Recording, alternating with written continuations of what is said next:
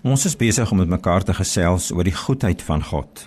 En ons het gister vir mekaar gesê aan die hand van Johannes 20 en Genesis 2 dat die Here in die begin met die skepping vir Adam en Eva vir die mensdom deel gemaak het van sy skepingsavontuur. Hy het sy gees geblaas oor Adam en hy het gesê: "Wees deel van hierdie proses, gee name, vermeerder, vul die aarde en soos 'n mens kon aangaan."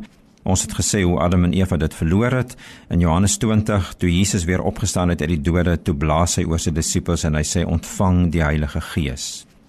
En toe sê ons wat hy daar gedoen het hy begin die hele proses weer van voor af en dit wat aan Adam en Eva verloor is dit wat gemaak het dat hulle deel van die skepingsavontuur was nou kom hy en hy blaas weer sy gees oor hulle en hy sê nou maak ek julle deel van my herskepingsavontuur Ek en jy is deel van God se herskepingsavontuur.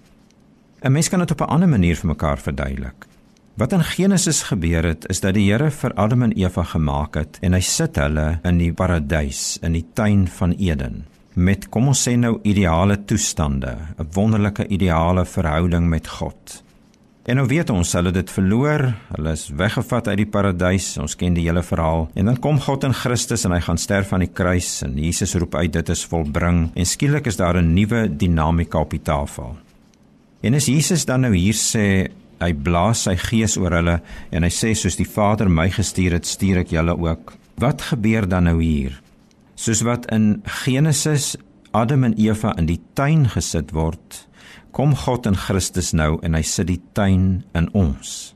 Ek het 'n innerlike tuin, 'n binnetuin wat deur God mooi gemaak is en spesiaal gemaak is. Romeine 5 wat sê die gehoorsaamheid van Christus word my toegereken. Ek is vrygespreek.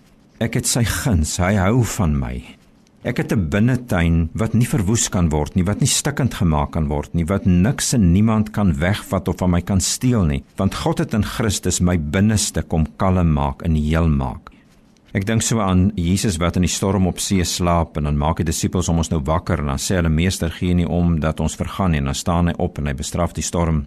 Nou is my vraag elke keer nou hoe kon Jesus slaap in hierdie storm? Jesus kon slaap in hierdie storm, want die storm was rondom hom en nie binne hom nie.